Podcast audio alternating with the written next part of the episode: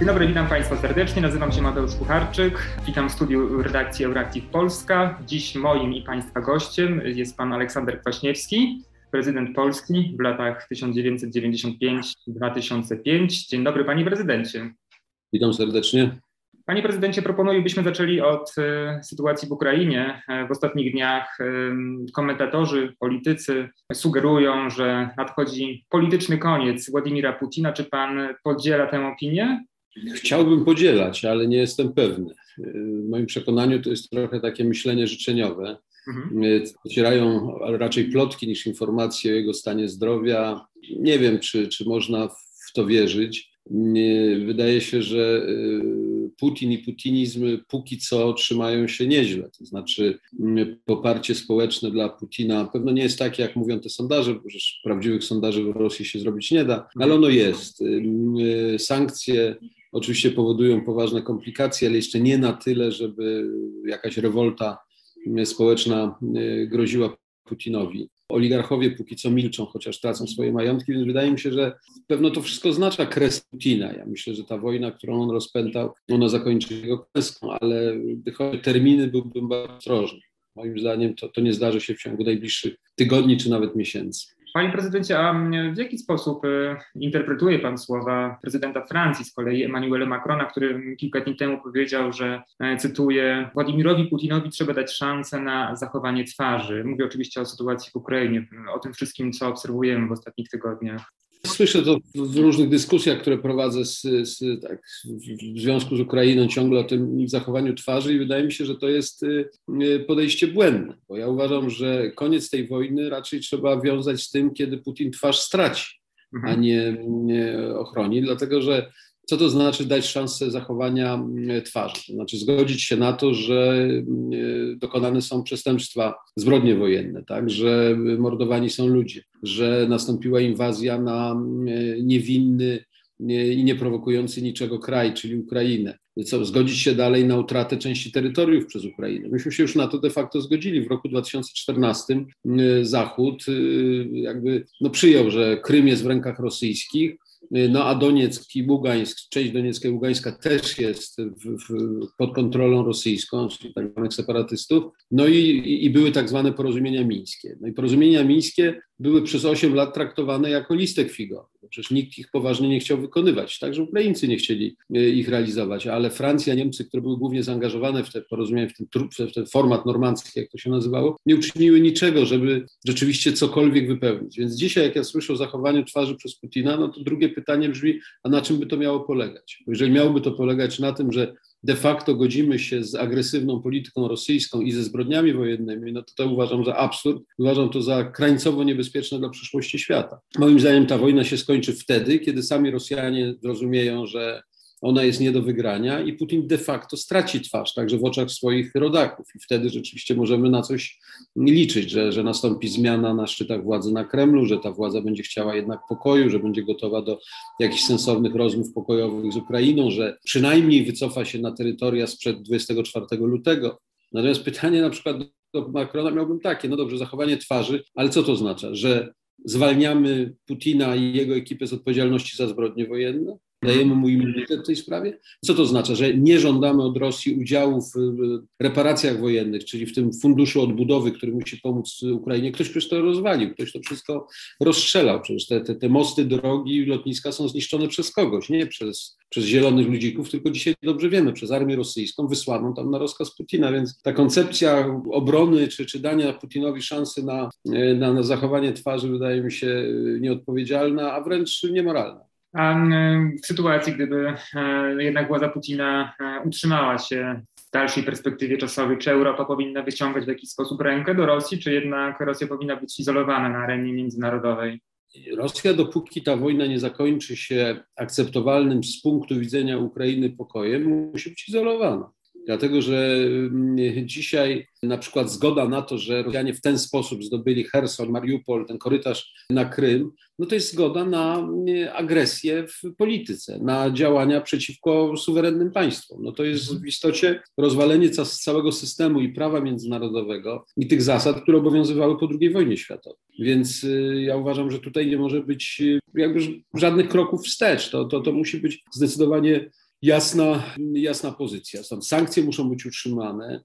Te trybunały, które zaczęły badać zbrodnie wojenne dokonywane w Rosji, muszą działać. Musimy mieć pełną dokumentację. Wczoraj zaczął się proces w Kijowie żołnierza rosyjskiego, który przyznał się do dokonywanych gwałtów. Sądzę, że takich przypadków są setki, jeżeli nie tysiące. One też wszystkie muszą być objaśnione. No po prostu to jest sytuacja, w której y, w momencie, kiedy mamy agresora i ofiarę, nie ma żadnych kompromisów. To nie jest tak, że Rosja jest trochę agresorem i trochę ofiarą. I to nie jest tak, że Ukraina jest tylko trochę ofiarą i trochę agresorem. Nie. Rosja jest stuprocentowym agresorem, a Ukraina jest stuprocentową ofiarą i z tego wynikają wszystkie konsekwencje. Więc utrzymanie sankcji, nie, nie, nieobecność Rosji na różnych konferencjach międzynarodowych, nieobecność rosyjskich sportowców, którzy nie potępili tych działań wojennych na zawodach sportowych, nieobecność reżyserów, aktorów, muzyków rosyjskich na koncertach tych, którzy nie potępili, bo ci, którzy potępili Putina, powinni mieć szeroko otwarte drzwi, bo to rzeczywiście wymaga odwagi. Więc jak mówię, jakakolwiek słabość z naszej strony, a ja czuję tę słabość pod tym hasłem dajmy Putinowi ym, zachować twarz,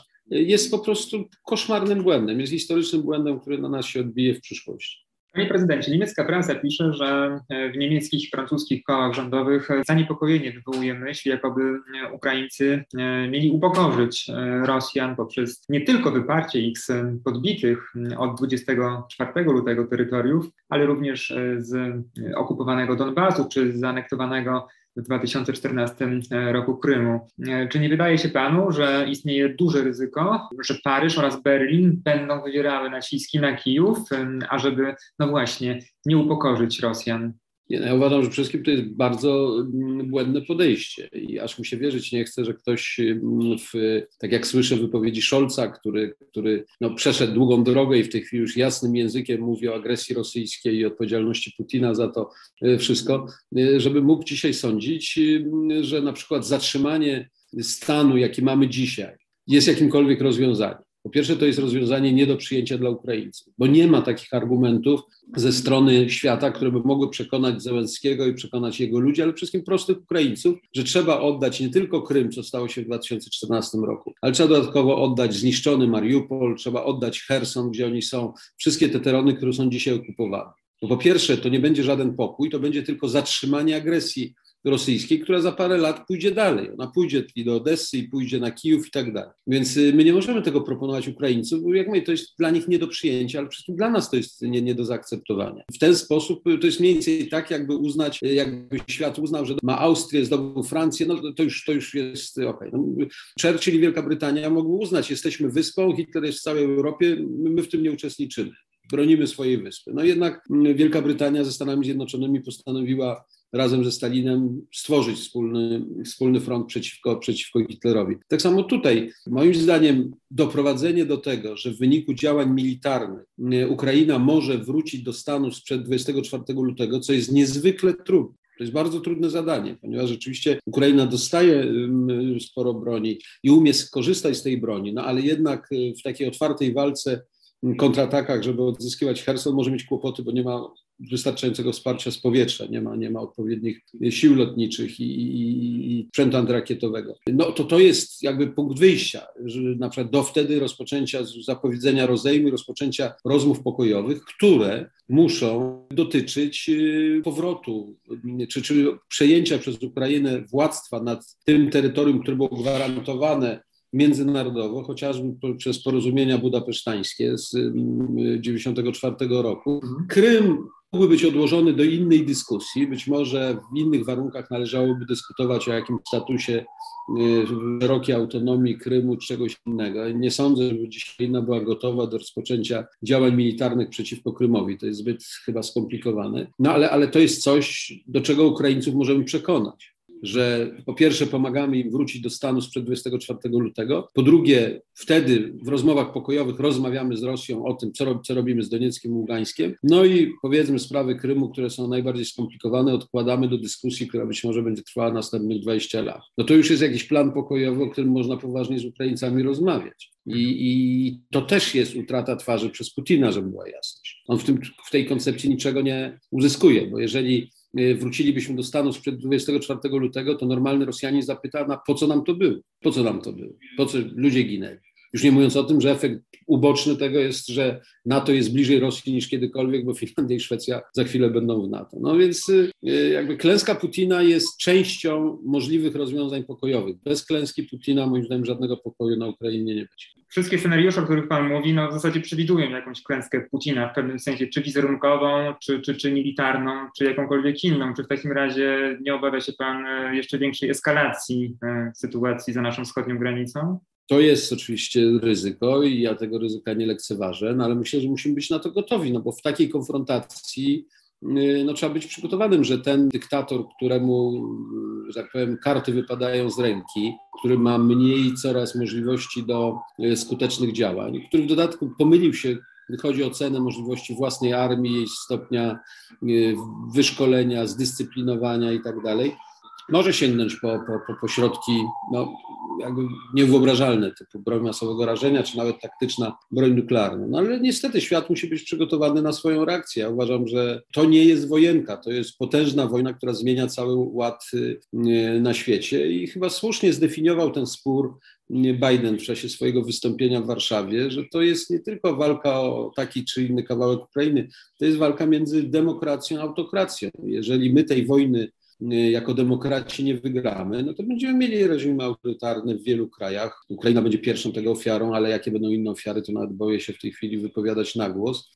Ale nikt nie będzie mógł być spokojny, więc y, wie pan, ja jestem człowiekiem, który jest przywiązany do kompromisu i który zawsze szukał różnych rozwiązań kompromisowych, ale to jest ten moment, w którym no, tego typu kompromisy nie zadziałają. Tu musi być przede wszystkim wygrana batalia ona musi być wygrana militarnie i ona musi być również wygrana politycznie. My musimy pokazać, że zjednoczony świat demokratyczny umie sobie poradzić z tymi autokracjami, które, które mamy, czyli rosyjską, chińską i jeszcze wieloma innymi, które, które są czy które będą powstawać. Wspomniał Pan też o rozszerzeniu NATO. Jakby oczywiście trudno dyskutować z argumentami, którymi kierują się rządy w Helsinkach i w Sztokholmie w kontekście chęci dołączenia do sojuszu. Niemniej zastanawiam się i przyznam, że jestem ciekawy Pana opinii w tej sprawie, to znaczy, czy nie obawia się Pan, że no właśnie wstąpienie Finlandii, czyli kraju neutralnego, bądź co bądź, w jakiś sposób zaburzy dotychczasową równowagę na starym kontynencie, w tym sensie, że Finlandia wielokrotnie w ostatnich kilkudziesięciu latach no, była takim wygodnym pośrednikiem pomiędzy Zachodem a Rosją w przypadku różnych sporów i konfliktów. Jak Pan to widzi z tej perspektywy? Pan mówi w tej chwili o świecie, który był, którego już nie mhm. będzie. Oczywiście w, w, tych czasach minionych, powiedzmy ostatnich 300 latach, już po upadku Związku Radzieckiego, jakby sens neutralności Finlandii właśnie polegał na tym, że ona mogła być swoistym pośrednikiem, dobrym miejscem spotkań i tak dalej, i tak dalej. No ale to przecież nikt nie narzuca dzisiaj Finlandii obecności w NATO. To wynika z ich po prostu utraty poczucia bezpieczeństwa, które w dużej mierze wynikało z takiej no dosyć jednak wstrzemięźliwej polityki rosyjskiej. E, kiedy Finowie zrozumieli, że Rosjanie, nie bacząc na podpisane porozumienia, kłamiąc żywe oczy, bo przecież e, mówił nam Putin, że żadnej wojny nie będzie, Ławrow to samo powtarzał, oni do dzisiaj mówią, że wojny nie ma, że to jest tylko specjalna operacja wojskowa. No więc Finowie, którzy są praktycznym, dobrze zorganizowanym, zamożnym narodem i dzielnym, bo pamiętajmy, że oni już swoje wojny z Rosją też potrafili wygrywać, uznali, że NATO jest dla nich ochroną, więc stary świat skończył się, a w tym nowym świecie bardziej podzielonym, ostrzej podzielonym niż poprzedni świat, Finowie stwierdzili Szwedzi, że oni muszą być po właściwej stronie, a ta właściwa strona to jest strona demokracji, to jest strona właśnie Unii Europejskiej, to jest strona NATO. I będą. Austriacy na razie powiedzieli nie, więc prawdopodobnie oni przejmą taką rolę, którą też pełnili latami, tego pośrednika, tego miejsca spotkań i, tak dalej. Sądzę, że Szwajcaria też pozostanie z krajem neutralnym, jest to będzie drugi kraj europejski, gdzie przez lata będziemy mogli toczyć rozmowy z, z, z Rosją. No ale, ale powiedzmy sobie jasno, ta wojna dzieli nas dużo ostrzej niż, niż znaczy podobnie jak to wszystko, co stało się po II wojnie światowej, czyli żelazna kurtyna między Rosją a resztą Europy staje się faktem. Chciałbym Pana zapytać o temat przystąpienia Ukrainy do Unii Europejskiej, które też nie jest przez wszystkie kraje członkowskie witane w sposób pozytywny. Nie obawia się Pan, że, że tak zwana szybka ścieżka Ukrainy do Unii, jakkolwiek ona może czy będzie wyglądała, no nie doprowadzi do jakiegoś e, rozbicia jedności państw Zachodu z państwami Wschodu Unii Europejskiej? Ja myślę, że znaczy oczywiście takie ryzyko jest, no ale, ale też wydaje mi się, że dramatyzm sytuacji powoduje, że coraz więcej krajów, nawet tych odległych od krajów, proszę pamiętać, że my inaczej odczywamy wojnę, no bo ona jest y, przy naszej granicy. My mamy y, dwa, może więcej miliona Ukraińców, uchodźców, którzy są, są u nas, więc my, my to czujemy. Pewno tak y, ostro tego się nie czuje w Irlandii, czy nie czuje się w Portugalii, czy, czy w Hiszpanii, choć ci uchodźcy ukraińscy trafiają już do wszystkich tych krajów, oczywiście w dużo mniejszych ilościach, więc y, oni też mają to poczucie, że coś, coś, coś y, ważnego się dzieje. Ale jeżeli te kraje, y, te kraje powinny szybko zrozumieć, że, że to jest właśnie batalia poważniejsza niż tylko kwestia Ukrainy, to jest ta, ta batalia między demokracją a autokracją i wtedy trzeba stać po jednej stronie. I, I, jednym z elementów tego nowego świata jest pomoc Ukrainie w tym kształcie, w którym ona będzie. Nie wiemy, w jakim ona w końcu kształcie będzie po tej wojnie, w przyłączeniu się do Unii Europejskiej. Dlatego jestem zdecydowanym zwolennikiem, aby już przyznać w czasie tej kończącej się prezydencji francuskiej czy prezydencji czeskiej, następnej, e, status kandydata do Unii Europejskiej. Jak tylko zakończy się wojna, rozpocząć szybkie rozmowy, negocjacje, które dzisiaj one są niemożliwe. E, po trzecie, już wiele e, rzeczy zrobiła przed wojną i przyjęcie wielu standardów europejskich, kowości na rynku finansowym, także w, w, w systemie sprawiedliwości, w, w jurysdykcji. Więc, więc ona nie jest taka świeża, nie jest taka nowa zupełnie. Oczywiście problem, który będzie utrudniał, to jest to, że Ukraina jest tylko jednym z sześciu krajów, które oczekują wejścia do Unii Europejskiej. Czyli dla wielu krajów europejskich to jest nie tylko Ukraina, ale też przecież Mołdawia, która już dawno się o to stara, i Bałkany, no bo pamiętajmy, że na Bałkanach Serbia, Czarnogóra, Macedonia i Albania też y, są już na tej drodze jakby wstępowania do Unii Europejskiej, oczekują akceptacji. Ale wydaje mi się, że w tej sytuacji, jaka jest Ukraina, ma nawet między tymi sześcioma krajami pierwszeństwo dlatego że to jest nasz moralny obowiązek. Ja to mówię wielokrotnie. To nie jest tak, że dzisiaj Ukraińcy walczą w naszym imieniu. Oni walczą też zamiast nas. Bo gdyby oni się poddali, gdyby dzisiaj Putin i jego wojska były już na granicy polskiej, no to bylibyśmy w innej sytuacji. To prawdopodobnie, albo z dużym prawdopodobieństwem któregoś dnia, ja już jestem za stary, ale pan musiałby wziąć broń w swoje ręce i walczyć. Więc każdy dzień, kiedy Ukraińcy walczą i tą robotę za nas wykonują, zamiast nas, one wymagają ze strony Europy rewanżu. Moim zdaniem ten rewanż to powinna być szybka ścieżka właśnie procedowania wejścia Ukrainy do Unii Europejskiej. Na czym Europa nie straci, bo to jest kraj z wielkim potencjałem. Oni pokazują nawet w czasie tej wojny, że mają wielki potencjał. Oni mają zdolnych, zdolnych ludzi, walecznych ludzi i takich samych ludzi będą mieli, jeśli chodzi o biznes, o nowe technologie i inne rzeczy. Także Ukraina to może być niezwykle interesujący nowy członek Unii Europejskiej, oczywiście za czas jakiś.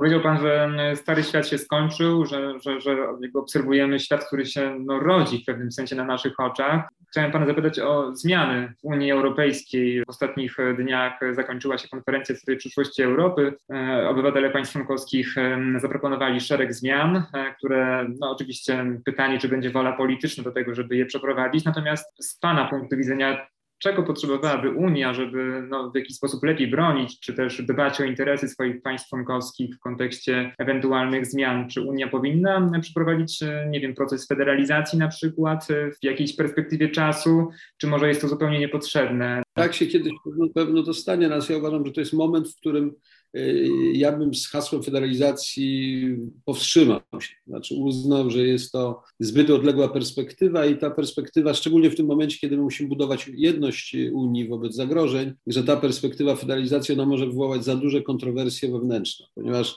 e, część państw jest zbyt przywiązana do tych koncepcji narodowych. Polska jest tu zresztą dobrym przykładem, e, żeby ruszać z taką krucjatą federalizacyjną w tej chwili. Czy to będzie za lat 10, 15, 20, nie wiem ale bym nie wykluczał, natomiast dzisiaj bym absolutnie powstrzymał się od takich haseł federalizacyjnych. Natomiast y, moim zdaniem to, co ostatnie lata pokazały jako konieczność, to jest pogłębienie współpracy w niektórych dziedzinach i tych dziedzin nie jest aż tak dużo. Myślę o y, przede wszystkim wspólnych politykach. Ja uważam, że Unia Europejska w tej chwili musi zdecydowanie postawić na wspólne polityki w kwestii bezpieczeństwa wobec oczywistego zagrożenia ze strony Rosji, w kwestii klimatycznej, nie, nie muszę uzasadniać, e, w kwestii zdrowotnej, czyli no, tych działań, gdyby jakaś nowa pandemia miała, miała nam się zdarzyć, żeby wyciągnąć wnioski z tej covidowej pandemii i te mechanizmy, które e, zagrały i to skutecznie zagrały jako wspólnotowe podtrzymać. I Unia powinna mieć trzy polityki wspólne wobec najważniejszych partnerów w świecie, czyli wobec Stanów Zjednoczonych, wobec Chin i wobec Federacji Rosyjskiej. I tu powinien być jeden głos, bo wtedy jesteśmy skuteczniejsi. Ja bym jeszcze dołożył do tego wspólną politykę dotyczącą innowacji, czyli wspierania systemu wspierania innowacji po to, żeby Europa stała się y, konkurencyjna dla, dla tych dwóch głównych centrów innowacyjności, czyli Chin i, i Stanów. Y, no ale to może być y, odłożone w czasie. Więc tych sześć wspólnych polityk, wydaje mi się, musi być wzmocnione i one powinny być objęte takim szerokim europejskim konsensusem. Jak widzi Pan, nie jest tego za dużo, choć każda z tych polityk nie jest łatwa, nie? Ale, ale moim zdaniem to powinien być ten pierwszy krok, który by pokazał, że wspólnie, wykorzystując potencjał tych prawie pół miliarda ludzi, jakich mamy w Unii Europejskiej, my jesteśmy w stanie no, być poważnym partnerem, czy wręcz no, konkurentem dla, dla tych wielkich, wielkich tego świata, no ponieważ jak mówię, te, te, te, ta konfrontacja ma miejsce. To nie jest tak, że że my się mamy przygotowywać na jakąś konfrontację, tylko ta konfrontacja ma miejsce. Z Rosją to jest konfrontacja na polu bezpieczeństwa, z Chinami to jest też i bezpieczeństwo, i, i wpływy polityczne, i gospodarka, innowacje. Z Ameryką może to nie jest konfrontacja, ale też jest wiele punktów, w których ta współpraca transatlantycka powinna wyglądać lepiej, a więc też powinniśmy mówić jednym głosem wobec Ameryki, żeby Amerykanie nie mogli tego rozgrywać inaczej z Niemcami, inaczej z Polakami, inaczej z, z, z Włochami, czy, czy jeszcze tam z kimś. Mhm. Panie prezydencie, a w kontekście polityki zagranicznej y, byłby pan e, zwolennikiem zniesienia zasady jednomyślności e, w głosowaniach w Radzie, y, ażeby no właśnie nieco usprawnić proces podejmowania decyzji? To jest niezwykle delikatna sprawa i ona by musiała być objęta jakimś takim pomysłem, którego nie mam w tej chwili w głowie, ale, ale niewątpliwie trzeba to uelastycznić, dlatego że możliwość zablokowania bardzo ważnych decyzji przez jedno państwo jest groźne, no bo możemy sobie wyobrazić, że to jedno państwo przejściowo jest skierowane przez jakieś nieodpowiedzialne grupy polityczne, antyeuropejskie na przykład, czy jest skorumpowana przez tych wielkich graczy światowych. Nie mówię tylko o Rosji, ale to tak samo może być rodzaj, że tak powiem, zależności od Chin czy od, od, od innych. Więc wydaje mi się, że uelastycznienie tej zasady byłoby istotne. Jak to zrobić, nie mam w tej chwili pomysłu. Europa i Unia Europejska tworzyła się trochę tak na zasadzie takiego naiwnego przekonania, że y, dobro zwycięża zło, a ludzi dobrej woli jest więcej niż tych, którzy którzy nie, nie mają tej dobrej woli. No, okazuje się, że są takie momenty w historii, kiedy tak dobrze nie jest i sama ta metoda perswazyjna, sama metoda jaka koncyliacyjna, czyli szukania porozumienia, no czasami po prostu jest albo zbyt długotrwała, jak w okresie kryzysów, albo nieefektywna, no ponieważ mamy zdeklarowanych przeciwników, więc ja byłem zdania, że należałoby zacząć myśleć o tym, jak tą zasadę jednomyślności uelastycznić. No, jak pan widzi, używam niezwykle dyplomatycznego określenia, e, pojemnego, e, że, że, żeby nikogo nie przestraszyć, ale, ale moim zdaniem to jest, to jest konieczność. Panie prezydencie, ostatnie pytanie dotyczące bezpośrednio Polski. To znaczy w ostatnich dniach e, różne sondażownie publikują e, sondaż z jednej strony wskazujący, że opozycja w przypadku wyborów powinna się zjednoczyć, jak na Węgrzech. E, z kolei inne pracownie sugerują, że nie, że partie opozycyjne powinny, powinny wystartować w oddzielnych komitetach wyborczych, ażeby mieć większe szanse na ewentualne zwycięstwo w wyborach. A jak się panu wydaje, czy ten kasus węgierski powinien stanowić pewne memento dla opozycji w Polsce, czy jednak, czy jednak opozycja powinna się zjednoczyć przed wyborami? Sam pan przytoczył tyle faktów, że moja odpowiedź byłaby taka, no bądź tu mądry, no bądź tu mądry. Jeżeli jedne sondażownie mówią tak, drugie mówią inaczej. Ja uważam, że trzeba byłoby poprosić, a na szczęście partie polityczne mają na to pieniądze, naprawdę odpowiedzialne grupy specjalistów, socjologów, którzy by to sprawdzili na takim większym materiale badawczym, na większej próbie. E, który z tych e, mechanizmów w Polsce e, zadziałał był najlepiej. Jedna lista, dwie listy, czy, czy, czy, czy te trzy, cztery listy, jak to może być. Przykłady i węgierski, i czeski mają swoje plusy, minusy. Na Węgrzech powstała jedna lista, no ale nie wygrała. Ale Węgry to jest trochę inny, inny przypadek. E, znowu w Czechach powstały dwie listy opozycyjne. No i one zdobyły wielką, co prawda, ale przewagę nad, e, nad rządzącym Babiszem i, i stworzyli partię. Jaki wariant w Polsce byłby najlepszy?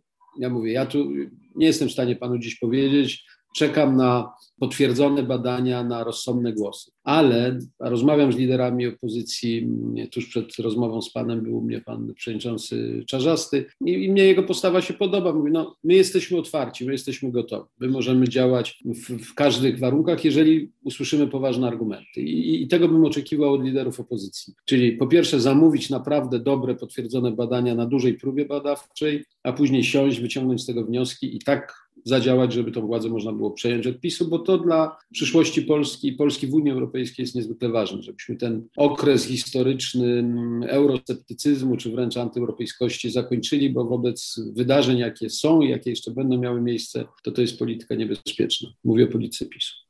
Panie prezydencie, bardzo dziękuję za rozmowę, za poświęcony czas. Moim Państwa gościem, przypomnę, był Pan Aleksander Kwaśniewski, prezydent w latach 1995-2005. Raz jeszcze bardzo dziękuję. Dziękuję bardzo i życzę wszystkiego dobrego.